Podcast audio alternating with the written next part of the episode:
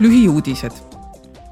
sel nädalal valmistuvad Euroopa Parlamendi liikmed ja fraktsioonid järgmiseks täiskogu osaistungjärguks. seekordsel täiskogul antakse üle kahe tuhande kahekümne teise aasta Sahharovi mõttevabaduse auhind vaprale Ukraina rahvale, keda esindavad nende president, valitud juhid ja kodanikuühiskond parlament annab täiskogul ka ülevaate oma ootustest järgmisele Euroopa Liidu tippkohtumisele.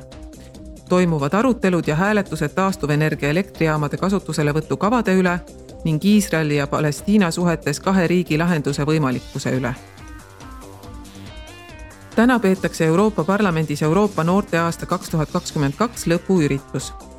Brüsselis toimuvad hariduse ja vaimse tervise teemalised arutelud, kohtumised Euroopa Liidu otsustajatega ning Euroopa aasta saavutuste hindamine.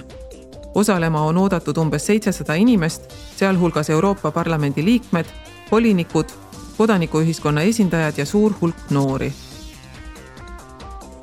eelmisel nädalal hindasid liidu institutsioonid ja üle viiesaja kodaniku Euroopa tulevikukonverentsi ettepanekute järelmeetmeid.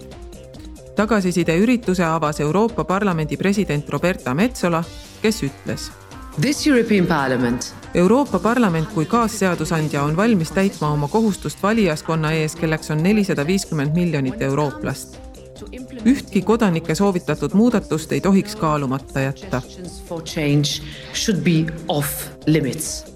Konverentsi nelikümmend üheksa ettepanekut sisaldavad üle kolmesaja elluviimismeetme üheksas valdkonnas, tuginedes Euroopa üleste ja riiklike paneelarutelude soovitustele.